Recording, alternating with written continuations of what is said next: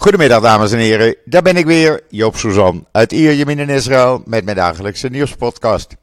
Eerst maar het weer, want uh, ja, het is nu lekker, 30 graden, uh, blauwe lucht, zwak briesje, helemaal zoals het hoort. Maar gisteren, het was niet normaal. Uh, er waren enorme zandstormen in Eilat en de Negev. Je kan daar video's van zien in de Engelstalige Ynet. Uh, we hebben regen gehad over heel Israël. En echt behoorlijke buien. Uh, maar de auto werd niet schoon, want uh, er zat zoveel zand in. Hij is, ja, nog meer zand op de auto's, laten we het zo maar zeggen.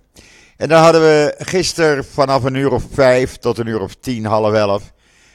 Constant onweer en bliksem. Geen regen, maar constant onweer en bliksem. En dat ging de hele avond door. Terwijl de temperatuur 26, 27 graden was. Het is totaal van de gekken. En dit, ik heb uh, veel mensen gesproken. Niemand die dit ooit heeft meegemaakt. En uh, het staat ook niet in de analen. Ja, het kan bij uitzondering in de zomer eens een buitje vallen. Maar dat is dan een vergissing. Maar niet wat we nu hebben. Uh, verleden week hadden we regen. Nu hadden we regen. je weet het gewoon niet meer. En uh, misschien het komend weekend weer een sharaf, wat normaal is, we zullen het zien. Maar in ieder geval, het is totaal van de gekken. En uh, je zou haast zeggen, het weer wat jullie in Nederland hebben, dat is ons weer. Uh, en wij hebben het weer een beetje zoals in Nederland. Het was gewoon grijs, grauw. Het was helemaal niet, niet leuk. Nee, maar laten we eerst maar eens even beginnen met het nieuws. Want het is een spannende dag vandaag, daar kom ik zo meteen op uh, terug. In Israël nieuws, het persbericht van de IDF, waarin ze de fouten toegeeft. Uh, en uh, met betrekking tot de dood van die drie militairen twee weken geleden aan de grens met Egypte. Maar ook officieren uit hun functie heeft, hebben gezet. en hun daarvoor verantwoordelijk stellen voor wat er fout is gegaan het hele persbericht, uh, ik heb het vertaald en staat gewoon in israelnieuws.nl. Daar kan je het uh, helemaal lezen. Uh, ook dat er een betere samenwerking wordt beoogd met de Egyptische strijdkrachten. we gaan het allemaal zien. Maar ja, schuldigen worden aangewezen natuurlijk. Nou is er natuurlijk het een en ander niet goed gegaan, want de twee, uh, de man en de vrouw die uh, het eerst werden gedood aan de grens, die moesten 12 uur dienst doen achter elkaar. En dat hoort helemaal niet. Dat hebben ze nu ook veranderd, zeggen ze. Maar ja, dat zijn dus uh, fouten die niet mogen voortkomen. Ook dat, dat die nooddeur open was in de grenshek, waardoor die politieagent uit Egypte heel makkelijk Israël in kon komen en die soldaten neer kon schieten. Uh, het hele verhaal in uh, Israël Nieuws dus. En dan uh, een verhaal wat ik over heb genomen uit de IDF-website. De jongen die ontsnapte uit Teheran en de geheimen onthulde die de Iraniërs probeerden te verbergen. het is een heel mooi verhaal hoe een, ja, laten we zeggen, een IDF-soldaat, officier uh, geheimen uit Teheran naar Israël uh, smokkelde. Het, uh, het, leest als een soort thriller. Het is echt heel mooi. Lees het in israelnieuws.nl. waar je ook kan lezen dat de Universiteit van Tel Aviv een methode heeft ontwikkeld van diepe hersenstimulatie tijdens de slaap. en dat zou dus voor een heleboel mensen hulpzaam uh, kunnen zijn. Uh, waardoor je dus bijvoorbeeld geen achteruitgang van het geheugen krijgt. De hele studie kan je lezen in Israël Nieuws. Ja, en dan hebben we vandaag een hele belangrijke dag. Want op het moment dat ik dit opneem, begint zo een beetje de stemming in de Knesset over wie wel en niet in die benoemingscommissie voor rechters komen te zitten. Uh, heel in het kort, onderdeel van de juridische hervorming is dat die benoemingscommissie twee coalitieleden krijgt. daarmee heeft de coalitie dan een meerderheid. de onderhandelingen bij president Herzog thuis tussen coalitie en oppositie gaan erom om een deal te maken waarbij er dus één coalitielid en één oppositielid in die commissie komen.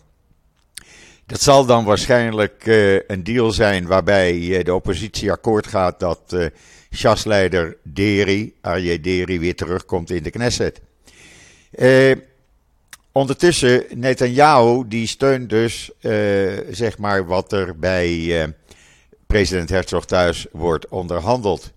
Meneer Levin en de twee extremistische, rechtsextremistische uh, coalitieleden Smotrich en Benguier, die uh, willen daar uh, helemaal niet van weten. Die blijven bij de eis dat er twee leden van de coalitie in die benoemingscommissie moeten komen. in de uren voor de stemming gebeurde er van alles in de Knesset. Ik heb dat even op een rijtje gezet. Netanyahu organiseerde een bijeenkomst van alle coalitieleiders om iedereen op één lijn te krijgen. Nou, dat is niet helemaal gelukt. Minister uh, van Nationale Veiligheid, meneer Ben-Gvir, u inmiddels wel bekend, eiste dat de belangrijke onderdelen van de justitiële hervormingen onmiddellijk moeten worden voorgelegd voor een tweede en derde lezing, waarbij het dan wordt aangenomen. Uh, Likud-parlementslid Eli Dalal uh, heeft zich teruggetrokken uit de lijst van kandidaten voor die commissie. de oppositie die staat als één man en vrouw achter het uh, Yesatit-lid Karine El Harar als kandidaat. maar ondertussen heeft de coalitie nog steeds zes genomineerden. Want mevrouw Tali Gottlieb van de Likud weigert zich onder geen enkele voorwaarde terug te trekken. Uh, ze is zelfs bij Netanyahu op kantoor uh, geweest. Daar was ook Deri bij. Dat werd met de partij geschreeuwd volgens de kranten. Uh, maar ze blijft bij haar standpunt. Zij wil in die commissie. Meneer Yitzhak Kreutzer van Otsma Yehudit, de partij van Ben zegt dat de regering koet twee coalitieleden in dat comité moeten hebben. Uh, en onder geen enkele voorwaarde mag daar een oppositiekandidaat in zitten. Uh, David Bitan van de Likud, niet onbelangrijk, die zegt dat de regering de traditie moet respecteren en een vertegenwoordiger van de coalitie en oppositie in de benoem, selectiecommissie moet benoemen. Uh, Jefat uh, Shasha Biton van de partij van Gans, de Nationale, Nationale Eenheidspartij. Die zegt dat de, controle, eh, dat de coalitie de controle over beide zetels uh, in die commissie, als ze dat doorzetten, dan zal de landelijke protestbeweging in volle kracht terugkeren. Een groep vooraanstaande zakenlui in Israël heeft Netanyahu opgeroepen staatsmanschap te tonen en ervoor te zorgen dat uh, er een oppositie en een coalitielid in die commissie komen. Likud uh, Knessetlid Moshe Passal en Shas Knessetlid Uri, Uriel Busso. Die hebben hun kandidatuur uit die selectie, voor die selectiecommissie teruggetrokken. Uh, het is dus niet ongebruikelijk dat er politieke deals worden gesloten. En eh, zoals ik al zei, de deal zou dus zijn één coalitielid, één oppositielid in ruil voor terugkeer van Deri. Maar net voordat ik dit wilde gaan opnemen, stond er in de Hebreeuwse Ynet dat uh, uh, net voor de stemming uh, er zich een drama ontvouwde. De coalitie besloot namens haar alle nominaties te verwijderen, met uitzondering van Tali Goodlip. Die, en die weigerde dat ook. Uh, en dan, uh, ja, dan moet er uh, binnen 30 dagen nieuwe verkiezingen worden uitgeschreven voor deze selectiecommissie. Als dat zo is, begint het hele verhaal over een maand weer opnieuw. We gaan het meemaken, we gaan het zien. Ondertussen, niet onbelangrijk is te weten dat Netanyahu natuurlijk gebonden is aan de deals die hij gesloten heeft bij het vormen van deze regering. En een van die overeenkomsten om iedereen in die regering te krijgen die er nu in zit, was dat in die selectiecommissie twee coalitieleden zouden zitten. Nou, ga er maar aan staan. Dan moet je dus weer van je standpunt afwijken. En dat pikken Smotrich en Benguier weer niet. Het schijnt wel zo te zijn dat de ultra-orthodoxen waarschijnlijk uh, meegaan met Netanyahu. Omdat die uh, er ook wel voor voelen dat Deri weer in de Knesset komt. En dan zou Israël volgens Syrië uh, buitenwijken van Damascus, doelen in buitenwijken van Damascus hebben aangevallen.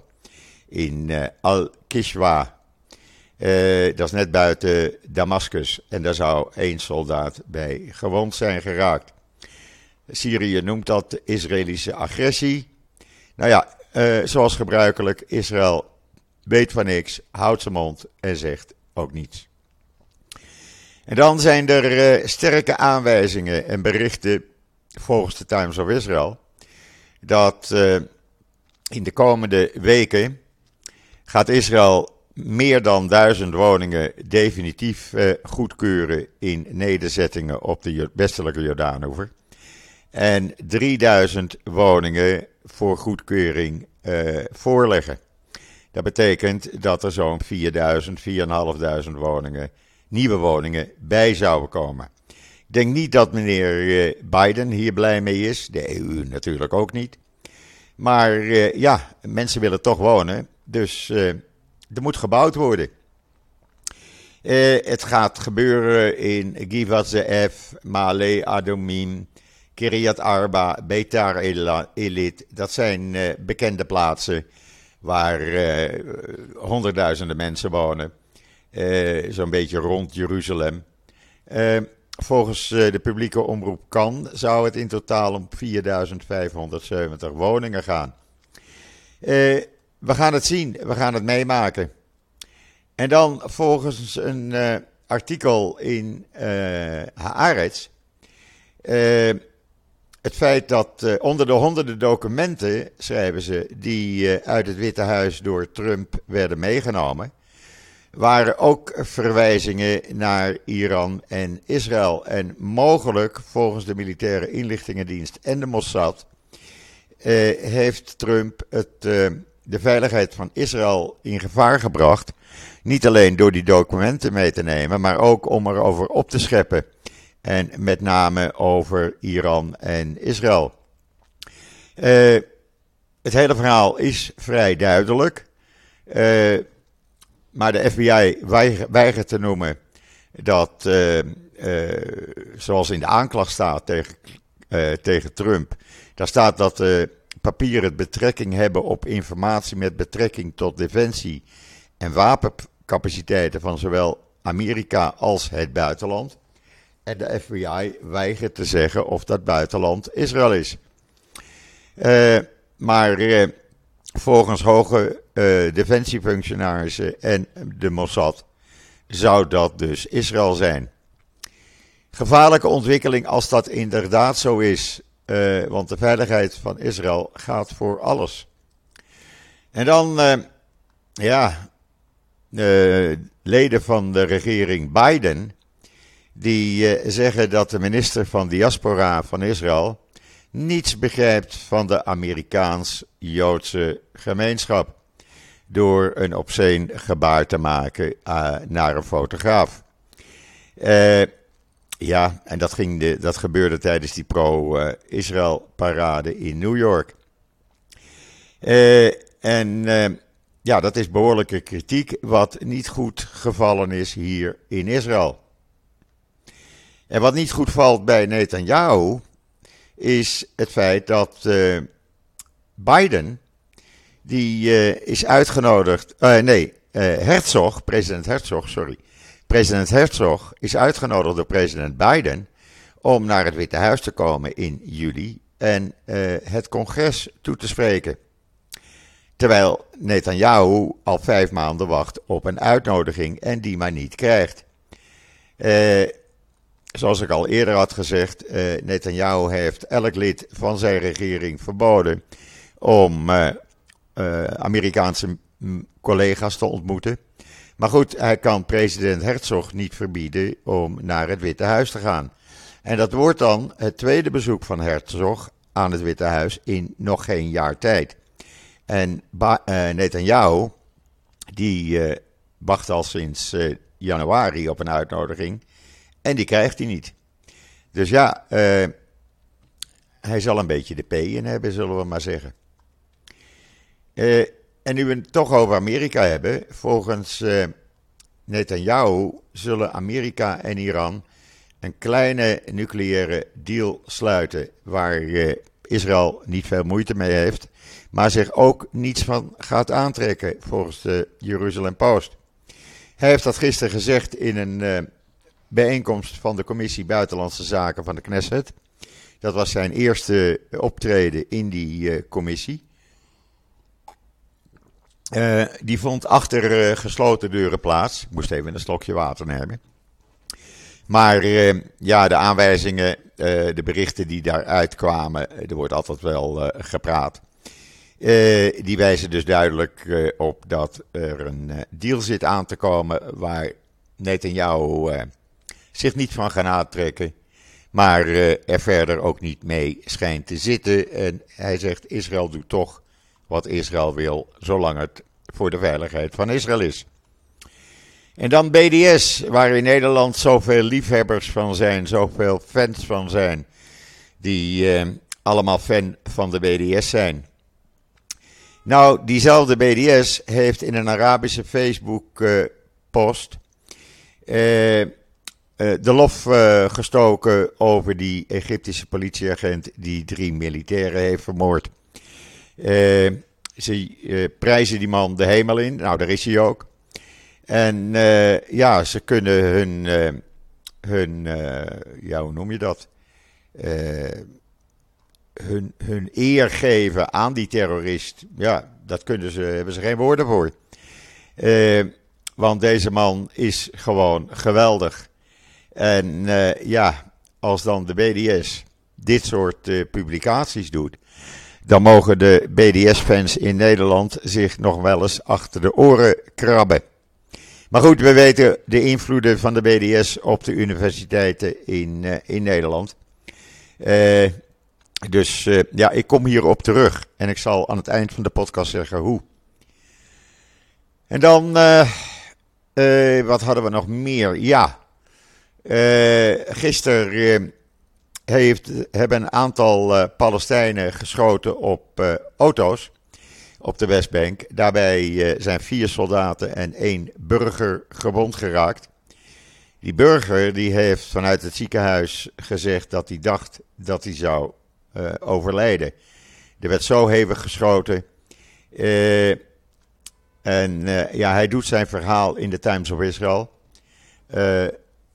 Waarbij hij zegt: Ik wist zeker dat ik dood zou gaan. Toen ik uh, besefte dat ik nog leefde, haalde ik mijn pistool tevoorschijn en schoot terug. Uh, nou, lees het maar in uh, The Times of Israel, zou ik zeggen. En dan goed nieuws voor mensen die ziek zijn in Israël. Het wordt makkelijker om medicinale cannabis te krijgen, oftewel medische gassis.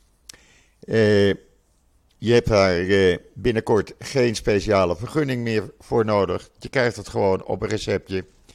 Uh, en het kan na een grotere verscheidenheid aan patiënten kan het, worden toegestaan. Dat betekent ook dat veel meer mensen dit kunnen gaan gebruiken zonder een speciale vergunning nodig te hebben. En ja, daardoor zich beter gaan voelen. Want ik zie dat bij mijn broer die uh, alleen nog maar medische uh, cannabis gebruikt. En dat werkt uitstekend. Als hij pijn heeft, hij neemt een uh, cannabis-sigaret en de pijn is, trekt weg. Hij voelt zich beter. Het helpt beter dan de pilletjes van 4000 shekel per stuk die hij slikte. En hij is er alleen maar blij mee. Hij doet van alles zover het hem in zijn rolstoel lukt.